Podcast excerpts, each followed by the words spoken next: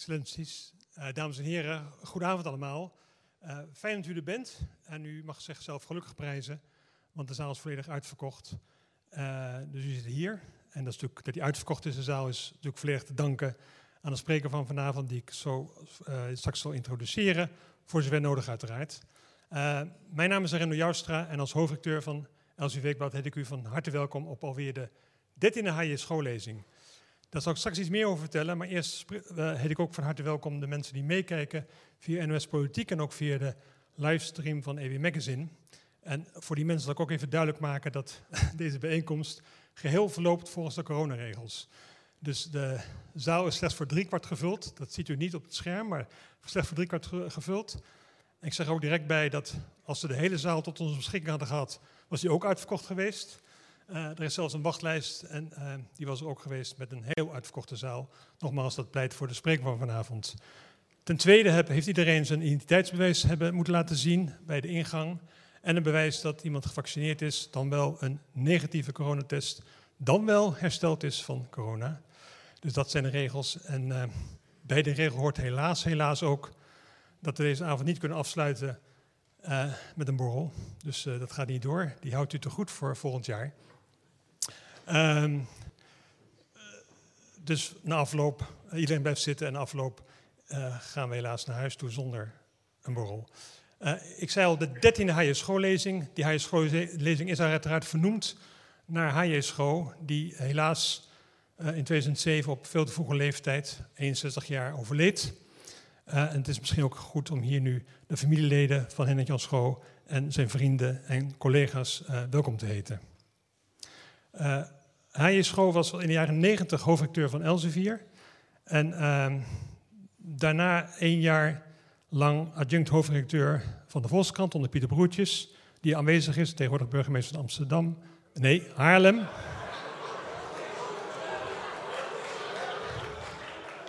Ja, ik, ik verklap nu iets, namelijk zijn geheime ambitie. en hij neemt uh, in februari afscheid van Hilversum, dus wie weet. Um, adjunct hoofdredacteur van de Volkskrant, daar was hij dan toch wel vrij snel vertrokken.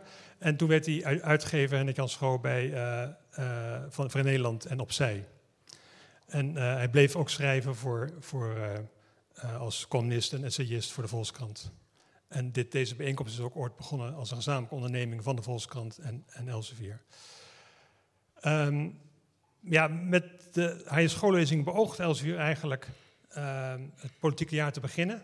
En dat lukte de afgelopen keren redelijk goed. En ook vandaag hebben we volgens mij weer een spreker die, uh, nou ja, die uitgekozen is eigenlijk omdat zij haar partij op 17 maart leidde uh, naar de tweede plaats in het politieke landschap. Uh, en, en, daarom waren we natuurlijk wel geïnteresseerd in wat haar visie is op Nederland, de toekomst van Nederland en op de maatschappij. Vandaar die uitnodiging. Zij begon over haar carrière als ambtenaar buitenlandse zaken, maakte toen heel snel carrière uh, bij de Verenigde Naties en werd in oktober 2017 uh, minister voor uh, buitenlandse handel en ontwikkelingssamenwerking in het derde kabinet Rutte. En sinds deze zomer is zij minister voor, van buitenlandse zaken, moet ik zeggen. Um, vorige week nog in het Midden-Oosten op rondreis. Vanavond in de Rode Hoed uh, in Amsterdam. Dames en heren, graag u aandacht aan uw applaus voor mevrouw Sigrid Kaag.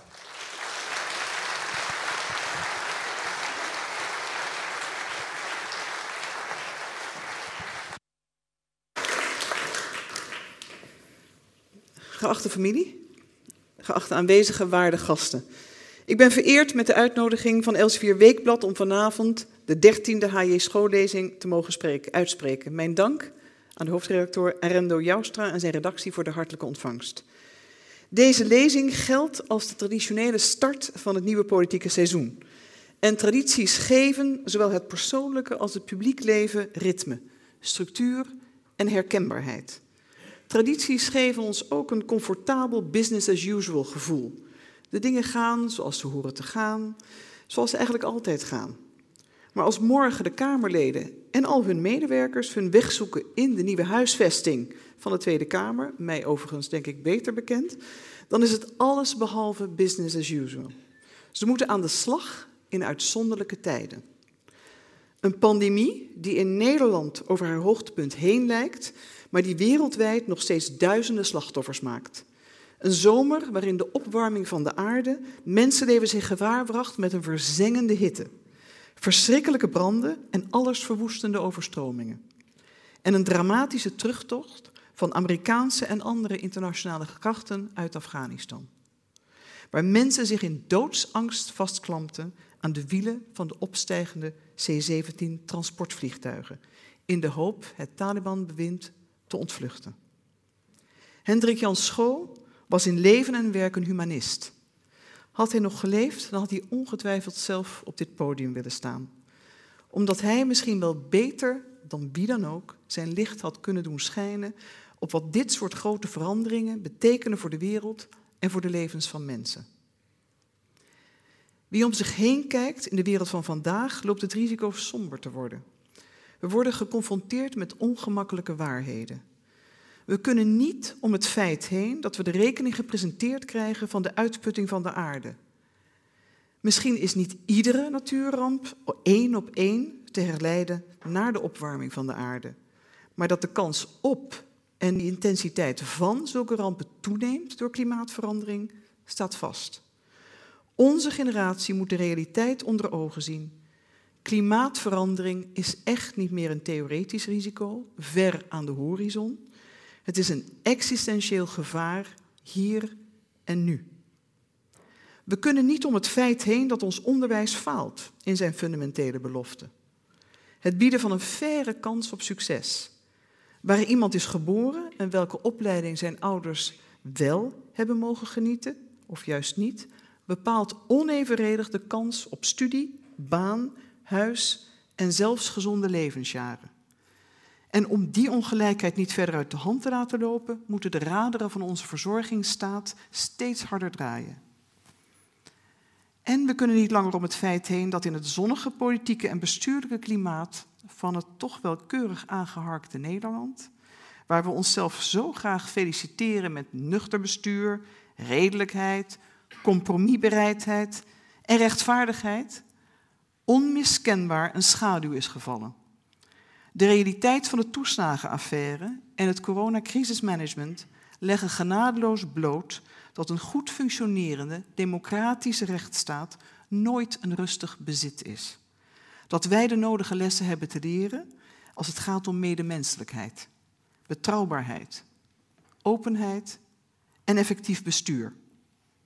Dat geldt ook voor degenen die om het hardst roepen hoe onwijs gaaf ons landje is. Veel te lang hebben we ons in de verdoving van zelfgenoegzaamheid collectief laten sussen door toch wel politieke bijziendheid. Ik zou nog meer vraagstukken kunnen noemen die anno 2021 onze aandacht vragen. Overheden en techbedrijven die bevangen door een nieuwe goudkoorts niets ontzienend datamijnen. Europese lidstaten die de beginselen van onze Europese waardegemeenschap en rechtsstaat met voeten treden. Of de stille ramp op de woningmarkt, die jong en oud raakt. Maar ik denk dat mijn punt helder is. Voor ons in 2021 en de jaren die komen, staat er echt wat op het spel. En in zo'n tijd is het niet vreemd dat mensen somber worden. Het overkomt ook mij. De vraag is, wat doen we met al die onzekerheid? Het kan brandstof zijn voor een zekere nostalgie, een heimwee naar een tijd waarin de onzekerheden van vandaag nog niet bestonden. Sommigen in de politiek maken hier dankbaar misbruik van. Onvrede en angsten worden gecreëerd, aangewakkerd en uitvergroot om vervolgens een idyllisch en geïdealiseerd verleden als oplossing te presenteren, schrijft Ilja Leonard Pfeiffer al in Grand Hotel Europa. Maar dat is niet het verhaal dat ik vanavond wil vertellen. U zult van mij geen pessimistisch verhaal horen over dat alleen een terugtocht naar vroeger kan redden. Maar evenmin ben ik van plan een lezing te houden vol naïef optimisme in een tijd die dat niet rechtvaardigt. Ik heb daarom besloten, geheel in lijn van school, mag ik hopen, het te proberen met een gezonde dosis realisme. Ik denk dat de uitdagingen waar we voor staan ons niet moeten verlammen, maar dat ze een opdracht zijn. Meer getrouw aan mijn katholieke achtergrond geformuleerd een roeping. We moeten gewoon aan de slag. John Kennedy trad aan als president van de Verenigde Staten op een moment dat de ongebreidelde vermeerdering van nucleaire wapens het voortbestaan van alle leven op aarde acuut bedreigde. Hij hield zijn medeburgers voor dat toen voor het eerst in de geschiedenis, in zijn woorden, de mens in zijn sterfelijke handen de macht hield alle vormen van menselijk leven te vernietigen. Hij sprak vervolgens zijn medeburgers en zichzelf indringend aan op hun taak en verantwoordelijkheid. Hij zei: In the long history of the world, only a few generations have been granted the role of defending freedoms in its hour of maximum danger. Ik geloof dat ook wij zo'n moment meemaken. Ook wij leven in tijden waarin we niet langer om het besef heen kunnen dat de immense verantwoordelijkheid voor het voortbestaan van onze planeet in onze sterfelijke handen ligt. Kennedy vatte die dreiging op als een dreiging van onze vrijheid. Dat doe ik ook. En daar wil ik het vanavond met u over hebben. Over wat onze vrijheid bedreigt, over de uitdagingen waar we voor staan, over wat dit vraagt van Nederland, van de politiek en van de samenleving. U bent uh, daarmee overigens na vanavond wellicht het best geïnformeerde publiek, want mijn spiekbriefje voor vanavond verschilt niet zo gek veel van mijn spiekbriefje voor de gesprekken aan de formatietafel. En die zijn tamelijk consistent. Maar wanneer is een mens vrij? Dat is een bijna spirituele vraag. Maar voor mij als politica, gaat het erom wat een mens nodig heeft om in vrijheid te leven.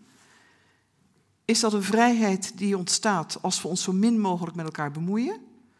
Een laat maar waaien vrijheid, waarin we ervan uitgaan dat ieder mens een eiland is? Het soort vrijheid dat van de politiek weinig vraagt, bijna niets, behalve heel weinig of bijna niets te doen? Is dat het? Mijn ideaal van vrijheid is anders.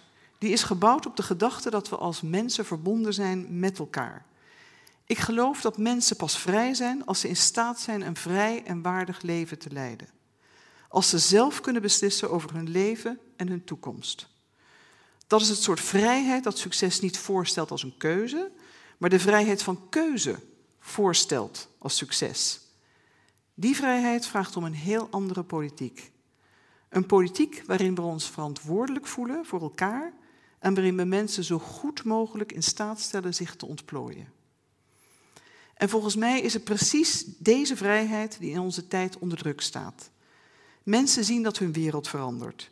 En als we niets doen, beperkt het hen in de mogelijkheden die ze hebben om zelf het leven vorm te geven. Liberalen hebben nogal eens geloofd dat het goed kwam als ze maar vertrouwden op de vindingrijkheid van het individu. Ook voor progressieve sociaal-liberalen van D66 geldt dat tot op zekere hoogte. Aan de ene kant spreekt dat natuurlijk van een optimisme, dat vertrouwen, ja, en dat spreekt me aan. Maar als we zien dat de krachten waar mensen tegenop moeten boksen zo groot zijn, dat de wereld schijnbaar onstuitbaar verandert in hun nadeel, dan is het tijd om moedige keuzes te maken. Om te beginnen voor het behoud van onze leefomgeving en de bescherming van onze manier van leven. Het is nu of nooit, do or die. Als u mij dan een alarmist noemt, dan zal ik het eigenlijk als een erespeld op mijn jasje dragen, met evenveel trots als ik me tooi met de geuzennaam, u wel bekend, klimaatdrammer, die Klaas Dijkhoff Rob Jette eerder heeft opgespeld. Die alarmbellen kunnen niet luid genoeg klinken. En ook dat begrijpen mensen, denk ik nu, in 2021, beter dan ooit. De verwoesting van de natuur is deze zomer dichtbij gekomen. Tegelijkertijd hebben we lange wandel- en fietstochten tijdens de coronacrisis mogen maken. En die hebben onze verwondering over de wonderen van de natuur geprikkeld of gesterkt. De bescherming van ons leefklimaat raakt aan de kern van mijn bestaan en overtuigingen. De kern van mijn geloof. Ik zeg en ik doe het uit verwondering. Verwondering voor de schatten van de natuur en alles wat ons geschonken is. Eigenlijk in erfpacht. David Hume zei: The life of a human is of no greater importance to the universe than that of an oyster. Die waarheid dwingt mij als politica alles te doen om het leven op de planeet te beschermen. Het laatste alarmerende rapport van de Verenigde Naties heeft deze verantwoordelijkheid alleen nog maar gesterkt. Dit is van cruciaal belang Het is van levensbelang. In ons eigen land, ver onder de zeespiegel, wordt dat diep gevoeld. Volgens een Nederlandse onderzoeker kan de stijging van de zeespiegel in onze levenstijd, in nog de wadden verzwelgen. Zoals het mythische Atlantis werd opgestokt door de zee, zouden onze eilanden, onze geliefde Waddeneilanden, verdwijnen door ons eigen toedoen. Kunnen we gewoon niet laten gebeuren. Hoe langer we wachten, hoe minder opties we hebben, des te minder vrij we zijn. Natuurlijk is er politieke weerstand, maar ik zie een patroon. Eerst ontkenden velen klimaatverandering. Toen het niet meer houdbaar bleek, veranderde het verhaal. De invloed van de mens zou niet vaststaan, werd wel gezegd. En nu weten we natuurlijk ook dat dit onwetenschappelijke onzin is. Maar het narratief verandert opnieuw. Haalbaar en betaalbaar is het nieuwe argument om niets of weinig te doen. Haalbaar en betaalbaar. Dat klinkt mooi. Maar het is niet betaalbaar om Valkenburg op te zadelen met 400 miljoen euro waterschade. Het is niet haalbaar om honderden hectares natuur af te laten branden in Brabant. Het is niet betaalbaar voor de boeren, boeren om de landbouwgrond in Zeeland te laten verzilten. Het beschermen van onze economie, onze vrije manier van leven en onze natuur vraagt een drastische en ja, ook een kostbare oplossing en overgang. Dat is de grote opdracht van deze generatie. Dat is dan ook waar het zwaartepunt van het regeerakkoord in aanbouw zal moeten liggen. Het is de voorwaarde voor al het andere. U zult begrijpen dat ik geen geloofwaardig onderdeel kan zijn van een kabinet dat geen dramatische en ultieme versnelling inzet in de Nederlandse klimaatpolitiek. Ik voel me dus geroepen en ik ben ervan overtuigd dat de bescherming van onze manier van leven een gedeelde zorg is, die voorbij moet gaan aan alle politieke tegenstellingen.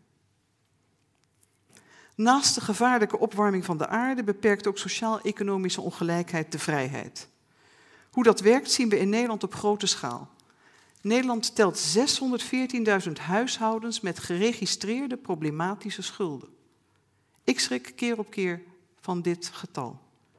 40.000 mensen zijn dak- of thuisloos. Meer dan een miljoen mensen leeft in armoede. Duizenden kinderen gaan naar school zonder boterhamtrommel. In Nederland. Dat is zowel een groot onrecht als iets om je voor te schamen. Als student in het Verenigd Koninkrijk zag ik hoe de ideologische bezuinigingspolitiek van Thatcher voet aan bal kreeg in het Nederland van Lubbers. Na de crash van 2008 volgde een bezuinigingsronde waarvan een gedeelte uitlegbaar en noodzakelijk was, maar een gedeelte ook onnodig. D66 is toen ook veel te veel meegegaan in de bezuinigingen op de overheid, waarbij efficiency first in de praktijk neerkwam op people last. Ik besef heel goed dat er tijden zijn waarin het nodig is om te bezuinigen. Ik voel me ook thuis bij een partij die degelijk financieel beleid hoog in het vaandel draagt. Maar roekeloze bezuinigingen hebben de wereld en ons land geen goed gedaan. Mensen hebben een te hoge prijs betaald. De vraag is, wat gaan we nou anders doen? Waar ik naartoe wil, is een politiek die weer durft te investeren in mensen en het nodige doet om iedereen een gelijke kans te, te geven. Dat betekent perspectief op vastwerk en opleiding, meer sociale woningbouw, gelijke betaling voor man en vrouw, en veel meer tijd en dus geduld voor kinderen in het onderwijs, meer goed betaalde banen voor de klas, een schooldag met huiswerkbegeleiding, kunst, sport, muziek. Voor iedereen. Gelijke toegang tot het recht en een empathische overheid die je echt altijd te woord kan staan. Er zijn mensen die zullen zeggen dit is minder efficiënt en dat het meer zal kosten. Dat is gedeeltelijk waar. Maar ik zou hen erop willen wijzen dat het bieden van kansen voor iedereen de samenleving als geheel uiteindelijk vooruit helpt. Niet alleen het rechtvaardigheidsbesef, maar ook de portemonnee. Dat is toch ook belangrijk. Een investering in kleinere klassen van anderhalf miljard euro levert 3,5 miljard euro op. Bij volledige gendergelijkheid groeit onze economie met 221 miljard euro. Het is bewezen. Willen we de grote uitdagingen aankunnen, dan hebben we iedereen nodig. dan kunnen we het ons simpelweg niet veroorloven om mensen te laten vallen. De Franse politicologe Catherine Fichy zegt dat de strijd voor de vrije samenleving naast kansengelijkheid ook grip op migratie vereist. Inderdaad, als we de vrijheid willen waarborgen van alle mensen die in Nederland wonen, moeten we ook de bevolkingsgroei door migratie in ogenschouw nemen. De economische voordelen van migratie zijn goed gedocumenteerd. Lage geboortecijfers scheppen een behoefte aan verse arbeidskrachten. Vergrijzing legt een zware druk op de houdbaarheid van de overheidsfinanciën en de verzorgingsstaat. Migratie is een goede hoop voor de economie. In het Verenigd Koninkrijk stelt het Office for Budget Responsibility daarom zelfs dat er tenminste 140.000 immigranten per jaar nodig zijn. En in Nederland is de vraag nu extra hoog en we hebben voor het eerst in lange tijd meer vacatures dan geregistreerd werklozen. De culturele voordelen van migratie zijn ook evident. Een blik op het verleden leert dat uitwisseling van en botsing tussen culturen vaak de sleutel biedt tot menselijke vooruitgang. Migratie hoort ook bij het wezen van de mens. Door migratie is veel goed ontstaan en ontwikkeld, inclusief wat we nu zien en voelen als geheel eigen. De Nederlandse taal zou niet de huidige vorm hebben zonder de invloed van eeuwenlange migratiestromen en sprekers van andere talen. Het Nederlandse volkslied is ontleend aan de heldendaden van een Duits-Franse prins die hof hield in Brussel. En de moderne Nederlandse keuken heeft ook iets te danken aan de Turkse kapsalonchefs. Een blik op het heden leert echter dat we ons te sumier en te pover voorbereiden op de impact die migratie direct en lokaal kan hebben. Als jouw dorp of stad door de jaren heen veel nieuwe mensen ontvangt, uit de EU of daarbuiten, zonder dat er is voorzien in nieuwe scholen, ziekenhuizen en woningen, kan je terechtstellen dat er niet aan jou is gedacht. Dat jij je in je eigen vrijheid om het leven in te vullen zoals je wilt, dat je daarin wordt beperkt. We kunnen de voordelen van migratie alleen benutten als we migratie beheersen. Als we ons erop voorbereiden. We kunnen niet wachten tot de volgende volkstelling om de sociale infrastructuur op orde te brengen. We moeten leren dit nog te doen voordat mensen in beweging komen. Alleen dan kunnen we zeggen dat we de realiteit van migratie eerlijk onder ogen komen. Alleen dan nemen we onze taak als overheid serieus om de noodzakelijke winst van de lange termijn in balans te brengen met onevenredig verdeelde kosten van de korte termijn. Als we dit doen, bouwen we ook aan het draagvlak voor de opvang van mensen die vluchten voor oorlog, onderdrukking en geweld. En dat blijft nodig. De crisis in Afghanistan laat zien dat migratie geen maakbaar fenomeen is. Mensen die bescherming behoeven, kunnen altijd op onze deur kloppen. Ik ben ook blij dat zoveel Nederlanders van alle politieke kleuren zware druk hebben gelegd op de politici, de politiek, om mensen uit Afghanistan weg te halen en hier in veiligheid te brengen. Het is een enorme opgave en ons werk is verre van afgerond. Ik ben ook trots op al die mensen die kleren en speelgoed hebben gebracht, totdat de opvang het zelf niet meer aankon. Het laat me weer eens zien, Nederlanders hebben een plek voor de ander in hun hart. En laten we die plek vrij houden en er zorgvuldig mee omgaan. Een belangrijke rol in het eerlijk verdelen van vluchtelingen over ons continent is weggelegd, of zou weggelegd moeten zijn, voor de Europese Unie. Enkele lidstaten, u wel bekend, liggen hierbij dwars, ten dele het nationalisme. Nationalisten streven naar macht ten koste van anderen. Nationalisme verblindt, zoals obsessieve liefde voor een voetbalclub en realistische inschatting van de kansen op overwinning op die zondagmiddag toch wel een beetje vertroebeld.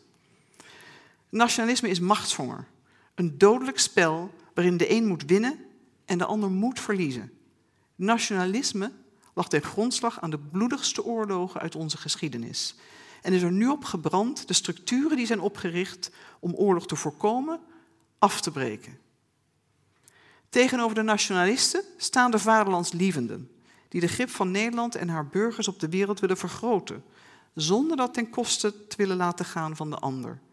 Vaderlandsliefde, schrijft George Orwell in 1945, is devotion to a particular place and a particular way of life, which one believes to be the best in the world, but has no wish to force upon other people. Vaderlandsliefde houdt dan ook ruimte voor realisme en verbetering. Wie van zijn geboortegrond houdt, wil en kan rekening houden met de tekortkomingen die juist geadresseerd moeten worden.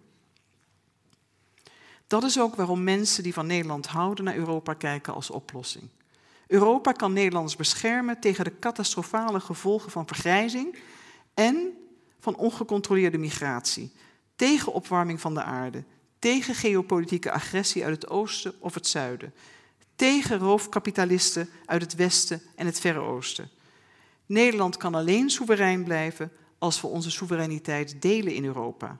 Europa, kortom, kan onze vrijheid beschermen en vergroten. Europa begrenst de beschaving waarin we kunnen zeggen, hier zijn we thuis. Europa, zoals George Steiner het samenvat, is een continent van cafés en publieke pleinen waarin ideeën vorm krijgen. Het continent, continent van grote Europeanen, als Erasmus en Spinoza. Europa is het continent van getemde natuur, zoals de Nederlandse bossen en heiden. Europa is doordrenkt van geschiedenis, zoals de straten van Dordrecht en Delft. Europa is de spanning tussen de ene waarheid van het boek en de vele waarheden van de wetenschap. Europa is ook onze unieke manier van leven, die zich onderscheidt van het Amerikaanse model door gehechtheid eh, aan sociale bescherming en van het Chinese model door toewijding aan democratie en de rechtsstaat. Maar die manier van leven staat onder druk, van binnen en van buiten. De ondergangsdenkers hebben gelijk als zij wijzen op Europese verdeeldheid en vermoeidheid. Het volstaat dan ook niet om hen te herinneren aan de verworvenheden van Europese integratie, waaronder drie kwart eeuw onafgebroken vrede en spectaculaire economische opgang. Ook al, is het, ook al is het vergeten van de geschiedenis zoiets als het vergeten van je eigen hoofd of je eigen geschiedenis. Ik geloof dat Europa alleen haar belofte kan inlossen als het actie onderneemt voor de toekomst. Als het door verregaande eenwording een economische en politieke machtspositie in de wereld inneemt en daarmee betekenis geeft aan haar morele gezag. Zoals ik eerder heb gezegd, vond ik het moeilijk, zeg ik u eerlijk, onderdeel te zijn in de periode van het kabinet dat weinig deed om naar deze visie toe te werken. De vorige coalitie werd een zinnenbeeld van penny wise, maar pound foolish. Die benadering in Europa. We liepen belangrijke fondsen mis voor onze wetenschappers en universiteiten vanwege kortzuchtige en, zoals ervaren, hardvochtige begrotingspolitiek. Ik heb zelf niet genoeg gedaan om een wijziging van koers af te dwingen. Dat reken ik mezelf aan. Nederland is nu gebaat bij een constructieve creativiteit, bij zelfbewust optreden, bij generositeit en bij geduld. We zijn het onze vrijheid verschuldigd. Ook daarom ijver ik voor een nieuwe coalitie met nieuw elan en nieuwe Europese overtuiging. Dit alles vraagt iets groots van de politiek. Het vraagt leiderschap.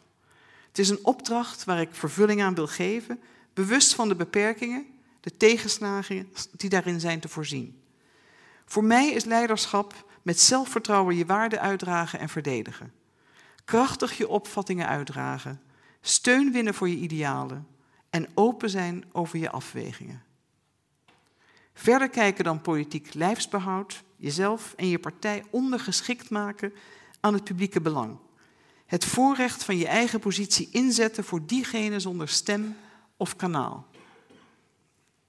Leiderschap is voor mij dan ook het tegenovergestelde van regelen, ritselen zonder visie.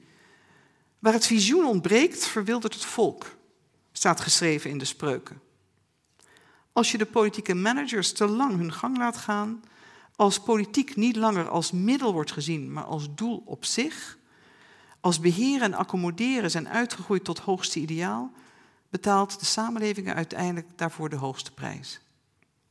De topambtenaar Bernard Terhaar stelde zichzelf onlangs publiekelijk de vraag of er de afgelopen twee decennia door de overheid nog iets moois tot stand is gebracht. Hoe graag hij ook ongelijk had willen krijgen, hij kon het gewoon niet verzinnen. Ik ook niet. Hoe lang ik er ook over nadenk. Ik zie een direct verband met de manier waarop ons land nu wordt bestuurd. Als me iets is opgevallen in de jaren dat ik terugkwam, nu bijna vier jaar geleden, naar Nederland, is het wel dat politiek hier bijzonder wordt bedreven door koffie te drinken, relaties te managen en binnenskamers spelletjes te spelen met partijpolitieke emotie. Het lijkt een politieke noodzaak, die zo is verworden, maar of het wenselijk is en of je er daadwerkelijk iets mee bereikt, dat is voor mij de grotere vraag. Laat ik de olifant in deze mooie kamer van de Rode Hoed niet uit de weg gaan. Het gehalte Haags gedoe in deze formatie is hoog, veel te hoog. Er lijkt meer tijd te worden besteed aan wat er wordt geschreven in de krant dan de geschiedenis die wij zelf willen schrijven. En het geeft een heel ongemakkelijk gevoel. Soms heb ik ook het gevoel dat ik me op een ander spoor begeef dan mijn tegenstrevers en collega's. Laat ik een voorbeeld geven. Ik sta al sinds de verkiezingen te popelen om over de inhoud zaken te doen. De idealen van D66 zo goed mogelijk in een regeerakkoord te krijgen. Onze verkiezingswinst te vertalen naar een meer progressief regeerakkoord en een meer progressieve kabinetsploeg. De weken dat we met de VVD schreven aan het hoofdlijnenstuk, een proeven van een regeerakkoord, gaven na maanden van politieke padstelling daarom eindelijk de energie om aan die inhoud te werken.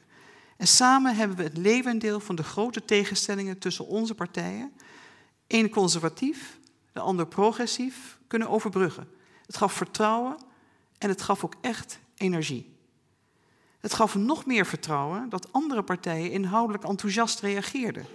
De nieuwe fusie, formatie-fusiefractie van GroenLinks en PvdA, meer dan het CDA, maar beide zagen veel aanknopingspunten. Alleen de ChristenUnie had bezwaren. En dat is te begrijpen. Je kan veel vragen van Gert-Jan Zegers, maar we kunnen, je kunt niet overvragen. De seculiere politiek van twee liberale partijen ligt ver van de overtuiging van confessionelen. Het is dan voor mij moeilijk te bevatten dat we nu nog niet aan tafel zitten met enthousiaste partijen. En ik denk ook voor veel mensen in het land. Misschien was ik ook al die tijd te goed gelovig, want hoewel ik het niet had uitgesloten dat we hier zouden belanden, hoopte ik toch echt anders. Ik dacht dat het menens was werken vanuit de inhoud. De vraag is dan ook, hoe verder? Ik denk dat alle partijen, uiteraard ook D66, zullen moeten werken aan de grote reparatie. Wederzijdse blokkades, soms inhoudelijk, soms ook niet, hebben een kabinet niet dichterbij gebracht. En dit in een al te gefragmenteerd politiek landschap. Voor mij is het aan de zes partijen om gezamenlijk tot een oplossing te komen. Een bijzondere rol is weggelegd voor de grootste partij. Na een zomer vol inhoudelijk werk zijn helaas potentiële bondgenoten op niet-inhoudelijke gronden uitgesloten. Het is nu voor mij de verantwoordelijkheid van de grootste partij om de impasse te doorbreken. De inhoudelijke steun en het politiek vertrouwen te herwinnen, met name van links. Dat is ook belangrijk voor de stabiliteit. Progressieve slagkracht in kabinet en parlement is in mijn ogen essentieel om de grote vragen van deze tijd, de klimaatcrisis en de kansencrisis, van antwoord en oplossingen te voorzien. Een goed kabinet in de Nederlandse traditie is een kabinet dat uit conservatieve en progressieve krachten bestaat. Een evenwichtig kabinet. Waar het evenwicht ontbreekt, gaat het mis. Rutte, Wilders en het CDA kunnen daarover meepraten. Ons land is in fundamentele zin gematigd. We verdragen elkaar. We geven elkaar de ruimte en gunnen elkaar een aandeel in de toekomst van ons land. Dat is waarom ik me blijf inzetten voor een stabiele, progressieve, evenwichtige coalitie die alle Nederlanders vertegenwoordigt, in welke variant dan ook. We moeten samen aan het werk, want het stikstofprobleem laat zich niet oplossen door duizenden kopjes koffie of gewichtig doenerij. Het klimaatprobleem laat zich niet oplossen als politici in rondjes praten naar de laagste gemene deler. Daarmee zeg ik niet dat we niet meer met elkaar moeten praten, uiteraard. Als diplomaat zou dat helemaal raar zijn. Juist wel. Maar leiderschap vraagt naast zelfvertrouwen en zakelijke daadkracht ook een vorm van nederigheid. We moeten elkaar zo goed mogelijk proberen te begrijpen en niet uitsluiten dat er zaken zijn die je zelf nog niet goed begrepen hebt en gewoon uitgelegd moet krijgen. Als we geloven dat onze vrijheid het beschermen waard is, dat we aan het werk moeten met elkaar, dan zullen we ook beter naar elkaar moeten leren luisteren. Elkaar zien als potentiële bondgenoten. Een vergelijkbare doorbraak van empathie hebben we nodig in het door fanatisme geteisterde identiteitsdebat. Identiteitsdebat, identiteitspolitiek begon in de tweede helft van de 20e eeuw als een emancipatiebeweging en als een welkome aanvulling op het liberalisme, dat te weinig oog had voor het lot van mensen anders dan, uh, uh, ik verontschuldig me dan, witte heteroseksuele mannen. Maar zo is de geschiedenis geschreven. Meer recent is er grote nadruk komen te liggen in het publieke debat op de noodzaak van een groter bewustzijn van vooroordelen, racisme en discriminatie. Dat vraagt ook van ons om voorzichtig te zijn met taal. Nog te vaak liggen oordelen besloten in woorden en uitdrukkingen die het individu anders, dan, anders doen dan marginaliseren. Het gaat pas verkeerd als fanatisme de overhand krijgt. Fanatisme heeft zich in zich om alles te bederven waar het zich mee verbindt. Verschillen worden dan tegenstellingen en individuen worden in hokjes gestopt, met al het wantrouwen dat daar dan nog eens bij komt kijken. Hoe fouter het hokje, hoe verdachter. Zoals een columniste gekscherend opmerkte recentelijk, ben je blank, hetero en hoog opgeleid, moet je sowieso je bek houden. Er is ook een andere identiteitspolitiek met diepere wortels. Dat is die van Martin Luther King, die als geen ander appelleerde aan gedeelde waarden van verbindende taal, van religie en patriotisme. Terwijl hij gemeenschappelijke waarden benadrukte, maakte hij er een zaak van dat sommige landgenoten niet als volwaardig bejegend worden, omdat ze tot een bepaalde groep horen. Zij spraken hun opponenten steeds als medemensen aan, of zelfs als broeders en zusters, en appelleerden onvermoeibaar aan de door hen ook beleden waarden. Deze beweging is terug van nooit weg geweest. Zo brachten de voorstanders van het homohuwelijk deze verzoenende aanpak met veel succes in de praktijk. Ze appelleerden louter aan gedeelde waarden en universele beginselen. Een vader zei: Mijn zoon diende in Irak en vloog in een gevechtshelikopter. Elke dag riskeerde hij zijn leven voor onze vrijheid. En nu terug, terug in zijn vaderland, zou hij dan niet mogen trouwen met een partner van zijn keuze? Zelfs verstokte conservatieven gingen toen door de knieën. Uitgerekend tijdens een pro-Trump-rally in Washington trad een Black Lives Matter-activist in de voetsporen van Martin Luther King. Had een tegendemonstratie georganiseerd. Gebalde vuisten in de lucht, scheldpartijen over een bier. De situatie leek elk moment uit de hand te lopen. Toen deed de organisator van de pro-Trump-rally een onverwachte zet. In een vlaag van grootmoedigheid gaf hij de Black Lives Matter-activist twee minuten spreektijd. Nou, ga er maar aan staan. Ben je zwart, activist, krijg je twee minuten om Trump-aanhangers toe te spreken. Wat zeg je dan? We willen niets dat van u is, begon hij. We want our God-given right to freedom, liberty and the pursuit of happiness. En daarmee had hij de juiste snaar te pakken. Mensen die zich van hem hadden afgewend, draaiden zich naar hem toe. Sommigen juichten. Vanuit de menigte riep iemand: All lives matter. Een precair moment, want die uitdrukking wordt doorgaans gebruikt door diegenen die de slogan Black Lives Matter willen ontkrachten. Maar de spreker wilde zijn publiek nu niet meer kwijtraken en reageerde: You're right, my brother. You're right, you are so right. All lives matter, right?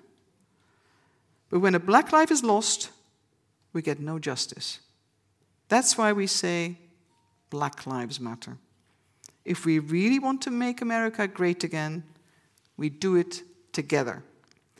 De menigte begon te zingen en scandeerde USA, USA, USA. En op dat moment waren de twee groepen niet meer wij versus zij. Natuurlijk, de verschillen waren niet weg. Maar doordat een activist een grotere cirkel trok rond alle aanwezigen, verloor de vijandschap zijn scherpe kantjes, waarna het weer mogelijk werd om constructiever met de tegenstelling en de verschillen om te gaan. Werkt die benadering dan ook bij de hele grote problemen? Ja, juist dan. Juist dan gaat het bevorderen van saamhorigheid en het oplossen van problemen hand in hand.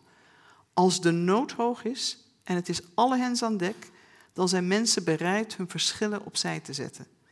Of er constructiever mee om te gaan, om samen te werken aan dat hogere doel. Tegenover het denken in wij en zij, in goed en fout, in elkaar uitsluitende hokjes en definities, zou ik een inclusief Nederland willen inbrengen, waarin onze gedeelde waarden centraal staan. Onze gastvrijheid, onze empathie, onze verdraagzaamheid en ondernemerszin. Ik zeg niet Nederland moet Nederland blijven. Want dan blijven we dus zitten met de problemen van het Nederland van vandaag, waar groepen tegenover elkaar staan, klimaatbeleid nog steeds hopeloos achterloos op de rest, loopt op de rest van Europa, sociaal-economische ongelijkheid welig tiert en waar Peter R. de Vries op klaarlichte dag geliquideerd wordt. Nederland moet Nederland worden. Een land waar de verschillen tussen groepen van oudsher groot zijn, maar waarmee we er zakelijk en constructief mee om kunnen gaan. En als regering en parlement dan het goede voorbeeld geven, constructieve debatten voeren en wat meer begrip en empathie voor elkaar tonen, dan kunnen mensen dat zeker ook. En misschien als het meezit en als we allemaal ons best doen, kan er zelfs iets van vaderlandsliefde groeien. Wat mijzelf betreft, ik heb mijn leven lang gewerkt in het buitenland.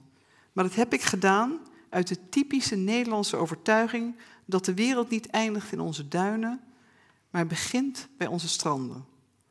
Dat vrijheid en menselijke waardigheid het waard zijn om voorop te staan op alle plekken in de wereld waar het mensen wordt ontzegd. Ik heb dat uit liefde gedaan voor mijn land, vanuit de overtuiging die als een rode draad door onze geschiedenis en tradities loopt. Vaderlandsliefde is gehechtheid aan de liberaal-democratische waarden waar Nederland groot mee is geworden. Een agenda van Nederlandse trots voor de jaren 20 van de 21ste eeuw zou gericht kunnen zijn op de waardigheid en kansen van iedere inwoner van Nederland. Het kan de zorg en bescherming van alle individuele Nederlanders centraal stellen, hoe ze ook denken, liefhebben of eruit zien. Daar speelt de overheid een sleutelrol in. Ja, ook in andere landen pleiten autoriteiten voor vaderlandsliefde. En dikwijls zijn het nou net niet de landen waar de staat blijk geeft van liefde voor het land of haar burgers. Maar waarom zou onze overheid dat niet kunnen doen? Waarom zou de overheid niet dienstbaar kunnen worden dat op een dag begrippen, overheid en gemeenschap als synoniemen door elkaar worden gebruikt? Waar de overheid als een levenslange bondgenoot wordt ervaren en de politie als je beste vriend. When the state is not kind, schrijft Ali Smith in Autumn, the people are fodder. De rol van onze generatie bij het hoofd bieden aan de grote gevaren die ons bedreigen is cruciaal. Het nu afwenden van de klimaatramp is cruciaal. Dat is alles bepalend. Onze verantwoordelijkheid is niet alleen maar zwaar of beangstigend. Het is het natuurlijk ook. Maar het is ook een taak die eervol is, juist omdat die zo allesbepalend is. Die ons richting en energie geeft en die ons saamhorig maakt. Daarom begon ik net met Kennedy's woorden dat only a few generations geroepen zijn. Hij liet erop volgen: I do not shrink from this responsibility. I welcome it. I do not believe that any of us would exchange places with any other people or any other generation. The energy, the faith, the devotion which we bring to this endeavor will light out our country and all who serve it. Laten we niet weglopen voor de verantwoordelijkheid die onze generatie op haar schouders geworpen krijgt. Laten we haar verwelkomen. Laten we ons koesteren in de energie, het geloof en de toewijding die de vervulling van onze taak vraagt. Veel dank.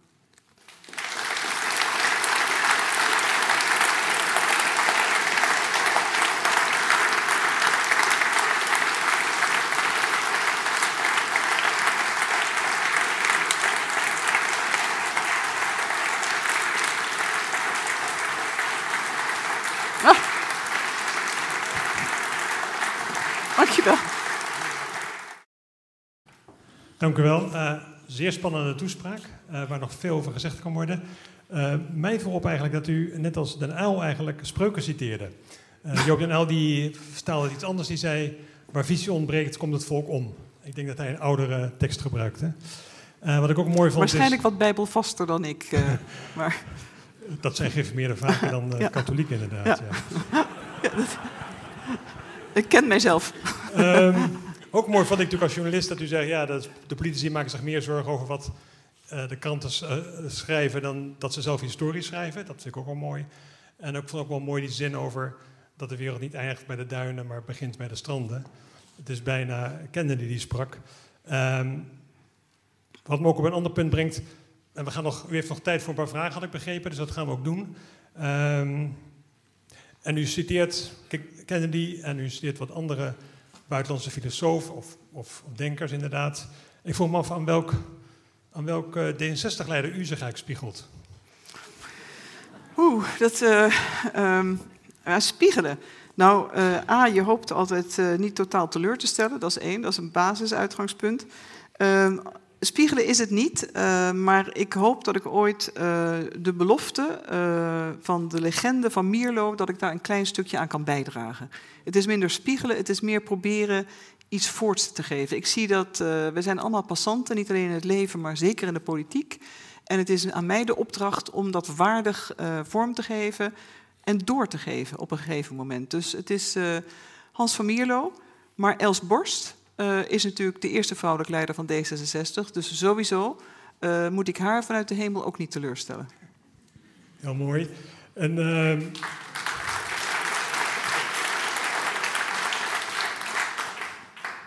we gaan even naar de, naar de, zaal. En ik kan me voorstellen dat we deze korte vragenronde helemaal opscoeperen eigenlijk aan, aan de formatie. Maar laten we dat niet doen. Dat zou een beetje zonde zijn van het mooie verhaal. Uh, ik begrijp dat u in de formatie ook zo'n grote cirkel trekt, de cirkel groter maakt eigenlijk. Uh, dat is ook een mooi beeld uit uw toespraak. Um, probeer mensen erbij te betrekken, dus maak de cirkel zo groot mogelijk. Ik zal voor dat we een paar vragen doen over de speech en misschien ergens aan het eind nog een laatste vraag over de formatie. En want u spreekt morgen volgens mij ook in de Tweede Kamer over. Morgen is er een debat. Ja. ja, toch ook morgen is ook debat. Dus. En u heeft al enige gezegd. Maar goed, laten we eens kijken of er vragen aan de zaal zijn. Ik heb, er zijn twee assistenten, Teun en Max. En die lopen met microfoons rond. En uh, boven kan ook, uh, als u hard schreeuwt, dan, uh, komt er een, dan komt er een microfoon naar u toe. En als u uw vinger opsteekt, en stel voor dat we even de vraag, uh, dat u even staat, uw naam zegt en luid en duidelijk spreekt. Want kijken dus mensen mee ook via het scherm en dat is het handig voor als die weten wat er precies gevraagd wordt. ik zie daar een vraag hier aan, aan mijn kant. daar, meneer gaat wel staan.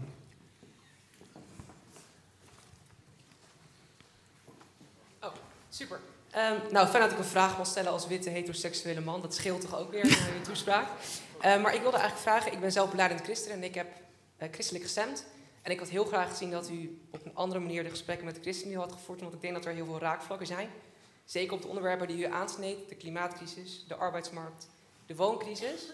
En dat het allemaal thema's zijn waarop bijvoorbeeld de ChristenUnie en D66 elkaar prima hadden kunnen vinden. Uh, en ik snap ook dat er medisch-ethische dilemma's zijn die, die hierin meespelen.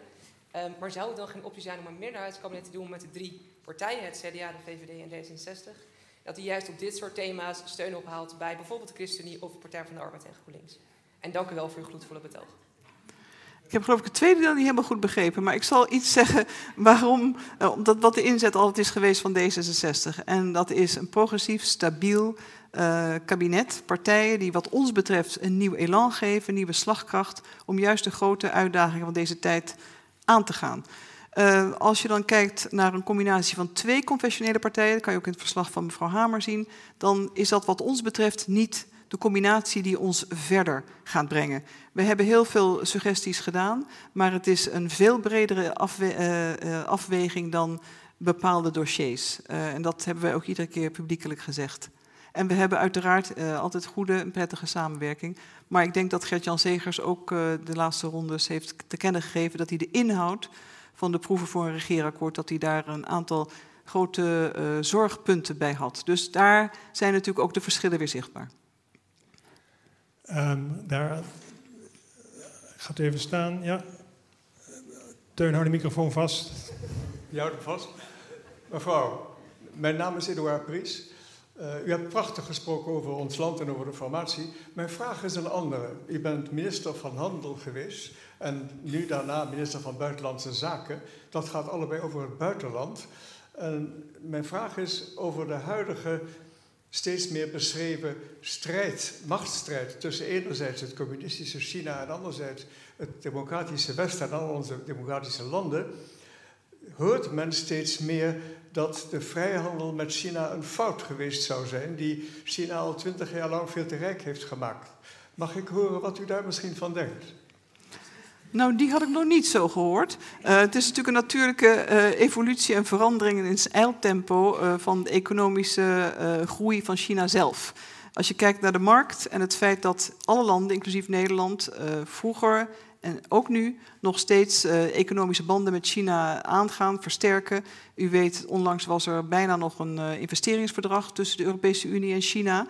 Um, we zijn wel enorm uh, afhankelijk geworden, niet alleen van grondstoffen, maar in de, de aanvoer, de keten. En het moment van strategische autonomie, heroverweging van kwetsbaarheden, het beschermen van kritische strategische sectoren om onze eigen economie en nationale veiligheid te beschermen, is sowieso goed, ongeacht de landen waarmee wij handel drijven. En dat moet nu zelf, de eigen slagkracht van de Unie moet, uh, moet versneld worden en moet vergroot worden. Uh, volgende vraag ook hier voor in de zaal. Meneer Hans steekt op. Max, misschien kan jij naar boven lopen. Dan, oh, ja, hier nog een vraag. Oké, okay, eerst hier en dan daar. Ja. Hoi. Mijn naam is Niel van der Linden. Uh, u bent net in uh, Islamabad en Doha geweest. Kunt u een tipje van de sluier oplichten van uw bevindingen al daar? Ja, uh, heel saai gezegd, er komt ook nog een kamerbrief over. Maar ik zal u dan ook een tipje van de sluier geven.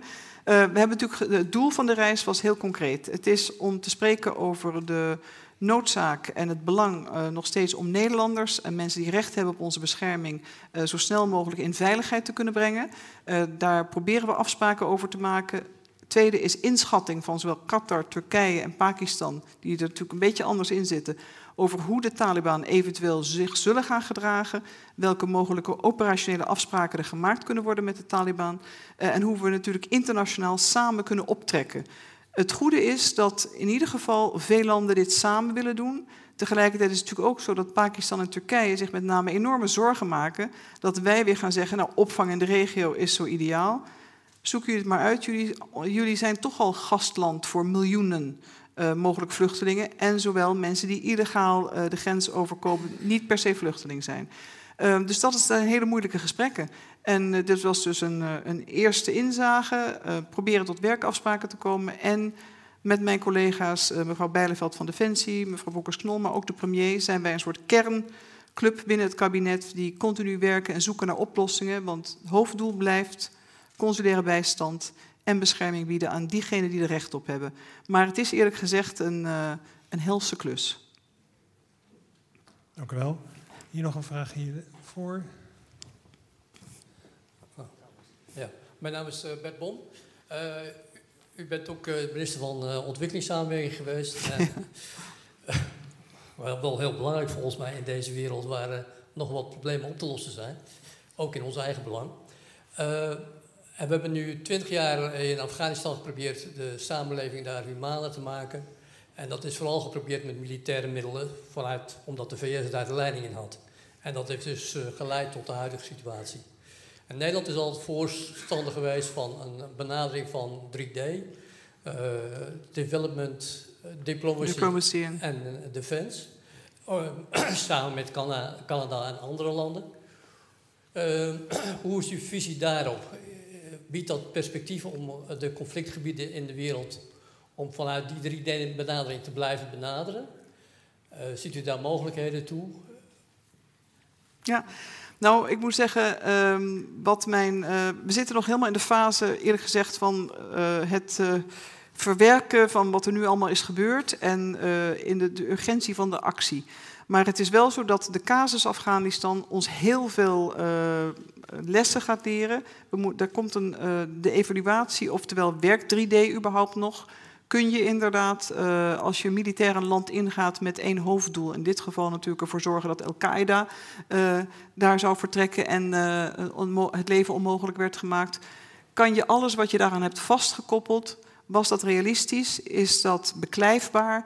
Hoe ga je om in de toekomst met vergelijkbare landensituaties, waar misschien geen terreurbeweging opereert, maar die wel fragiel zijn? Dat zijn de grote vraagstukken. Het andere natuurlijk is ook, wat heeft NATO gedaan? Hoe werkt het bondgenootschap? Hoe moeten we ons daar versterken? wat kunnen we als EU beter, anders en veel effectiever doen. Er zijn, ik zou zeggen, ik denk dat elke PhD-student nu waarschijnlijk van scriptie kan veranderen, meteen opnieuw beginnen als je iets van internationale betrekkingen doet. Want dit is de grote vraag en hoe we hebben geopereerd en de lessen die we eruit moeten trekken over wat we niet hebben kunnen bereiken en waarom. Uh, dat geeft heel veel voer, maar ik vrees ook, er zal het risicoappetijt van mensen uh, doen toenemen. Uh, het is veel makkelijker om te zeggen, nou het heeft niet gewerkt, dan te zeggen, oh kijk eens wat een succesverhaal. Maar we hadden wel resultaat via ontwikkelingssamenwerking, ook militair uh, en natuurlijk ook via de diplomatie. Meisjes mochten naar school. Er is een generatie opgegroeid in Afghanistan die een ander Afghanistan heeft kunnen en mogen meemaken. Wat er nu gebeurt is, een, uh, is wat dan heet een massieve brain drain. En dat kan je niemand ontzeggen, het recht te vluchten, verre van.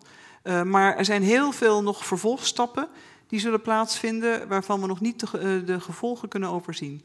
Dus ik kan u niet een ja of een nee geven, want u weet de wereld is veel complexer dan dit. Maar 3D blijft denk ik in principe nog steeds een goede benadering. Maar we moeten misschien wel uh, onze verwachtingen over wat we gaan bereiken een beetje temperen. Dank u wel. Ik, ik kan niet uh, tegen licht inzien boven. Dus als, als u een vraag heeft, roep eventjes, dan komt er iemand naar u toe. Ik ben blij dat het buitenland zo leeft. ja. Dat is ook wel waardevol voor een minister van Handel, OS en NUBZ. Geen dus geen vraag boven. Dan is hier voor. Ja, dan Teun, wil jij naar boven gaan? Uh, Max, hier nog eerst voor, van voor. Hier. Ja. Mijn naam is uh, Marene Elgeshuizen. Ik ben bezig met een uh, promotieonderzoek oh. over. Ja. over strategieën van vrouwelijke politici in de jaren 80 en 90. waaronder het Kamerbreed Vrouwenoverleg. Dat ging onder andere over het aanpakken van de haatjescultuur. We hebben natuurlijk de afgelopen tijd enorm veel daarover gehoord. En ook van hoe het bij jullie eraan toe ging in de ministerraad. Deze meneer vindt het heel grappig, geloof ik.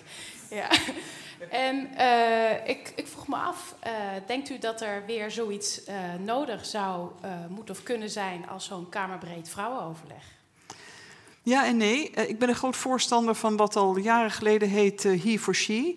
Uh, de mannen moeten het opnemen voor vrouwen, dochters, meisjes. Uh, de, degenen die de macht hebben, die de dominante politieke cultuur beheersen, die moeten zich als eerste uitspreker verzetten en benoemen dat het niet oké is. Het tweede is, uh, en ik moet er heel helder over zijn, eufemistisch gezegd, het is heel misogeen wat er gebeurt. In de politiek, in het wegzetten met name van vrouwen, in de bijzonder karaktermoordende commentaren die worden gezet, uitgesproken en die dan een vertaalslag ook nog vinden naar de sociale media, de, de, de bubbel waar iedereen dan in leeft. Wat daar gebeurt, Universiteit van Utrecht, dat onderzoek is jou wel bekend, wat vrouwelijke politici moeten ondergaan en zogenaamd normaal vinden, dat is niet normaal. En ik vind het ook heel on-Nederlands. En eerlijk gezegd kunnen wij onszelf een enorme spiegel voorhouden in verhouding tot andere landen. En zeker de landen waar wij ook altijd preken over hoe goed het is met gendergelijkheid en respect. Toontje lager zou ik zeggen, meer werk om die cultuurverandering, politieke cultuurverandering weer te bewerkstelligen. Want zo durven vrouwen niet. Ik bedoel, ik word 60, hoop ik. Uh, maar als ik nu 30 was geweest, zou ik hebben gedacht: ik heb al een carrière achter de rug. Zou ik denken: nou, weet je wat, uh, ik laat me niet afmaken, maar ik laat me ook niet gek maken. Maar veel jonge vrouwen hebben dat niet.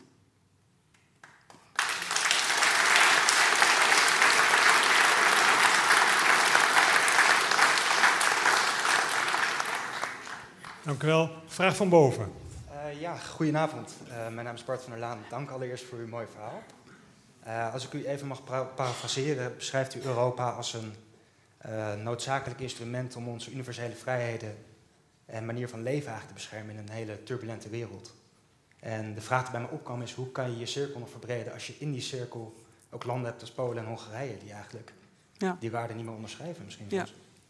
Nou, ik maak me heel erg zorgen over de erosie van binnen. Dat is natuurlijk altijd het ergste. Uh, je kunt allerlei eh, praktische dingen erbij bedenken. Hè. Als je huis, uh, de, de kozijnen en zo niet meer goed zitten. Uh, je moet wel aan onderhoud doen. En niet alleen aan onderhoud, maar je moet het ook proberen te verbeteren. Dus we zitten best wel in een, in een kritische fase. En ik ben er wel trots op dat we als Nederland ons echt uitspreken en ook altijd zoeken naar de slimme middelen en de manieren om niet alleen daar tegenin te gaan, maar misschien om het tij proberen te keren. Het probleem is wel dat er steeds meer landen in Oost-Europa. Het zijn niet uh, de usual suspects, er zijn er meer die zich toch een beetje bij dat clubje uh, voegen. Uh, en dat baart natuurlijk enorme zorgen. Dus je hebt gelijk, maar als we ons blind blijven staren op de vierkante centimeter en het zeggen, oh, oh, oh, mijn cirkeltje wordt steeds kleiner, ja, dan wordt hij nooit groter. Dus ik zou zeggen, anders denken uh, en op een andere manier werken, maar ook van, niet uh, vanuit misplaatste loyaliteit aan het lidmaatschap van de Europese Unie. Als je echt waardig lid wilt zijn en de anderen daartoe wilt aansporen, moet je ook dat blijven uitdragen en ook de moeilijke gesprekken dus voeren. Nou, dat wordt gedaan. Dankjewel. Uh, Teun, hier rechts voor, van mij afgezien, is nog een uh, vraag. Nee, nee, nee, nee, nee. Want dat, dat, is, dat mag niet. Want dan horen ze u thuis niet. Hier wel, maar thuis niet. Dus dat wilt, wilt u niet. Gaat u gang. Koos van der Hoeven. Formatie en leiderschap. Ik ken bijna geen mensen die het niet zat zijn dat er nog geen nieuw kabinet is. En u heeft vanavond gezegd, nu is de VVD aanzet. Het gaat om verantwoordelijkheid nemen. Wat kan D66 nu doen om die verantwoordelijkheid te nemen? Want die neem je als andere mensen het af laten weten.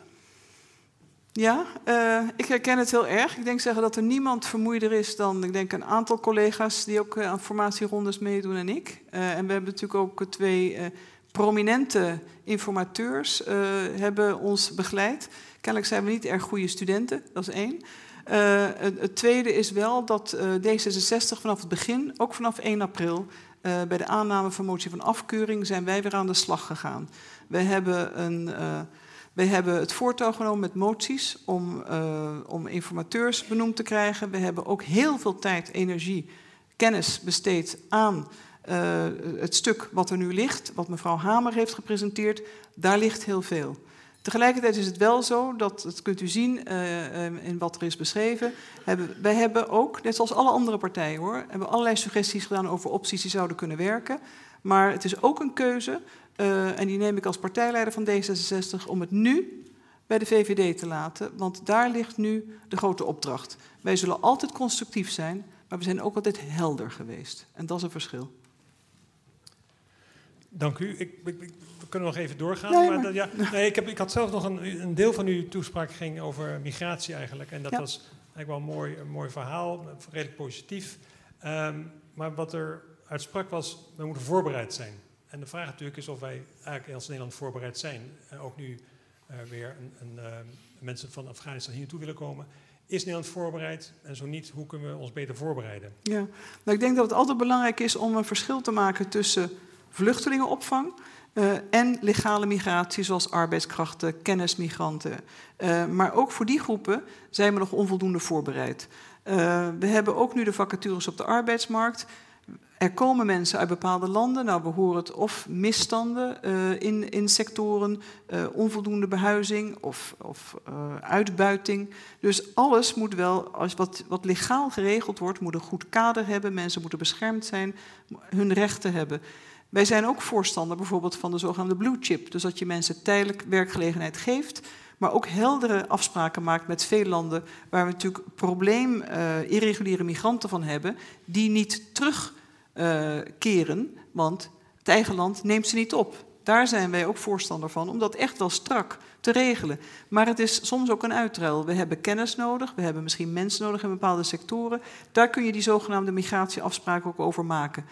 Het kernpunt blijft dat alles op Europees niveau beter geregeld zou moeten worden en strakker. De opvang voor uh, de vluchtelingen en diegenen die misschien nog moeten komen. Nou, u weet het al, ik geloof dat de COA's nu al uh, vol zitten. En we zijn, uh, helaas hadden we natuurlijk, dat is gewoon zo, de hele wereld, inclusief de Amerikanen, hadden deze situatie in Afghanistan niet verwacht. Ik lees nu heel veel dat anderen het wel hadden zien aankomen. Nou, niemand in de internationale gemeenschap. En wij zijn dus niet voorbereid op de aantallen. Tegelijkertijd is er dan wel een oproep, en ik waardeer dat zeer, zowel vanuit de Tweede Kamer en de samenleving, om al het mogelijke te doen. Maar we moeten wel heel voorzichtig omgaan met wat we aankunnen en hoe we dat gaan doen. Want het is een fragiel evenwicht. Zou het helpen bij die voorbereiding, eh, als we net als Canada, ik noem het een beetje uw geestverwanten in Canada, als, als we een soort een quotum gaan hanteren van 10.000 of zeggen 12.000 per jaar, omdat je daar uh, dan goed rekening kan houden. Als je 12.000 neemt, 1000 per maand. Dus, je erop, ja. Uh, om dan, dat je dan uh, volgens uw lijn beter voorbereid te zijn. Want het is ook niet netjes natuurlijk om mensen hier naartoe te halen die dan vervolgens in tekens mm -hmm. moeten slapen. Dus dat je dan humaner, zou ik maar zeggen, opvang kan regelen. Zou, zou je voor een quotum voelen? Nou, ik denk, uh, ik weet dat Canada graag wordt aangehaald. Ik heb ooit voor de Internationale Organisatie voor Migratie gewerkt. Uh, maar Canada is een uh, immigratieland. En ze hebben een heel ander beleid, altijd een hele andere cultuur daarop gehad. Die geven altijd jaarlijkse quota's. De Amerikanen deden het ook. Het is weer terug. Trump heeft natuurlijk afgeschaft of zwaar teruggeschroefd. Maar het is een heel ander beleid, andere keuzes en andere sociaal-economische cultuur daarin. Wij zijn, ik ben voor een, uh, een asiel, een quotum, een jaarlijks hervestigingsquotum van 5000. Dat is de D66-lijn, ook in campagnetijd. Maar een quotum hebben voor mensen die hier uh, als legitieme vluchteling zijn beland op bijvoorbeeld een Schiphol uh, of via een landroute, dat recht op asiel, daar ben ik voor dat je dat behoudt. Maar we hebben het nu over het grootschalig evacueren van grote groepen mensen. Ik mag hopen dat de crisis in Afghanistan en al het internationaal handelen, dat dat eenmalig blijft. Ja. Qua crisis en omvang. Ja, u zegt dat Canada een immigratieland is, maar dat is Nederland inmiddels ook. Hè? Alleen heeft Canada een beleid, maar Nederland eigenlijk niet. Uh, vandaar ook uw pleidooi voor voorbereid zijn. Voorbereid, maar ik maak daar een onderscheid. Uh, het, het, migratie- en asielbeleid van Canada is heel anders. Dus ik wil niet op zo'n avond zeggen, nou we doen het zo. Want uh, wij zijn in onze traditie, past het niet, mijn zinziens, om te zeggen, nou we hebben plek voor duizend. We hebben plek voor een afgesproken aantal voor hervestiging. Uh, en dat is heel belangrijk, want er zijn veel vluchtelingen die jarenlang in kampen zitten, die via UNHCR aan ons toegewezen worden. En die mensen zou je dan integraal vergeten. Die vallen dan meteen van de lijst af. Wat belangrijk is, dat je eens gaat nadenken inderdaad. Hoe gaan we om met uh, dit soort crisis in de toekomst? Uh, wat vraagt het? Wat doet het? En ja, hoe dat moet werken. Maar legale migratie, dat is ook het grote vraagstuk waar ik ook over sprak. Want we komen gewoon menskracht tekort in de toekomst met de vergrijzing, de vraag van de economie. En ik mag echt hopen dat niet alles op een robot zal neerkomen. Nou, daar wil ik wel met u over praten. Maar ik, ik, ik, uh, kijk even naar de zaal voor vragen. En dat zit hier vooraan. Uh, zie ik bij mevrouw hier. Daar komt een microfoon naar toe, mevrouw. Dus houdt u adem in. En we houden de microfoon vast zelf. Nee, nee, nee. Wij houden de microfoon vast. Gaat u gang. Mijn naam is uh, Riet. Uh, ja, mevrouw Kaag, ik hoorde u uh, over de binnenlandse politiek en over de formatie, het hele proces, zeggen iets waar ik heel blij van werd. Namelijk, misschien is het goed, het zijn misschien niet helemaal uw woorden, maar misschien is het goed om de partijpolitieke thema's een beetje secundair te maken aan de inhoud van de grote thema's die nu voorliggen. en u zei daarbij wat zou het goed zijn als er wat meer geluisterd zou kunnen worden op een aantal onderwerpen of thema's waarvan je misschien denkt van, goh, nou, uh, daar zou ik wel eens wat meer uitleg over willen hebben. Ja. Had u daarbij iets in uw hoofd? Had u daarbij iets uh, voor D66 in uw hoofd misschien? Of voor een andere partij? Nee, ik denk dat het een goed arbeidsprincipe is, eerlijk gezegd. Een soort modus operandi. Het is ook heel moeilijk, weet u. Het is makkelijker gezegd dan gedaan. Ik moet daarbij ook naar mezelf kijken. Op een gegeven moment zit iedereen in een groeve, denk ik. En je hebt je, je, je mandaat, je hebt ook partij, je hebt leden, je hebt een belofte gedaan aan kiezers. Dus iedereen trekt die kar. Uh, en dus je moet ook een beetje vooruit kunnen. Maar zou het niet mooi zijn, en zoals wat er nu ook ligt, op basis van inhoud, dat je zegt, nou, we weten klimaatverandering. We moeten hartstikke hard aan de slag. We kunnen ook de economie dusdanig verduurzamen, nieuwe banen creëren. Nou, wie is daartegen? Daaronder heb je de verdeelsleutel. Welke mensen, welke opleidingen, hoe, wat gaat het kosten? Uh, hoe ziet je belast, je fiscaal systeem eruit? Maar dat, is, dat, dat kan je regelen. Maar je moet het één zijn met elkaar in de uitdaging. Wat zijn de uitdagingen? Hoe gaan we aan de slag? Ja, en luisteren is een vaardigheid die we als mensen volgens mij tot, uh, tot ons einde der dagen, dat zullen we moeten fine-tunen. Ik had niet in het bijzonder iets in gedachten, maar ik denk wel dat we, uh, in de stilte ligt vaak het antwoord. En dat is luisteren. Mooi. Teun, ben je nog boven en heb je daar nog een, een vraagsteller? Ja, dan is dat ook direct de laatste vraag. Gaat u gang, mevrouw. Ik ben Jente, ik ben 25 jaar en ik woon met vier huisgenootjes in Amsterdam. Het zijn allemaal vrouwen, tot uh, de een heel bewust qua milieu en de ander echt totaal niet. En ik vraag me soms wel eens af van, um, als ons een, als nou ja, mijn generatie toch aangaat, die echt misschien echt last gaat krijgen van het milieu dat we straks uh, Utrecht aan zee hebben in plaats van uh, Zandvoort aan zee. um, hoe gaan we het dan, hoe gaan we het doen dat we zeg maar mijn generatie ook, dat iedereen richting het klimaat als randvoorwaarde ziet om de rest mogelijk te maken? Oei, nou dat is voor de volgende verkiezingen denk ik. Maar uh, er zijn uh, een deel van de aanpak uh, zal wet, wetgeving moeten zijn. Een deel is mensen verleiden. Hè, instrumenten. De instrumenten zijn makkelijk te verzinnen, van de subsidies tot fiscale regelingen. En het alternatief. Meestal bij gedragsverandering van mensen moet je ervoor zorgen dat het alternatief beschikbaar is. Dat het ook voor veel mensen echt betaalbaar is. en dat ze daarin mee kunnen. En dat ze overtuigd zijn door middels informatie van school en die hele lijn doortrekken en de werkgever een verantwoordelijkheid neemt, dan kan je best een eind komen en kan je die cirkel weer vergroten. Maar het is niet van de ene op de andere dag. Maar het probleem is, we hebben de tijd niet meer. We hebben de tijd niet voor traditionele methodes. Dus het is radicaal. Dank u wel. Uh, nogmaals zeer veel dank voor uw toespraak, uw reden vanavond. Ja. Ook voor uw tijd eigenlijk in het drukke programma. Um, en succes morgen met de formatie, want dat is ons alle belang. Nee, debat. Een debat, ja. ja.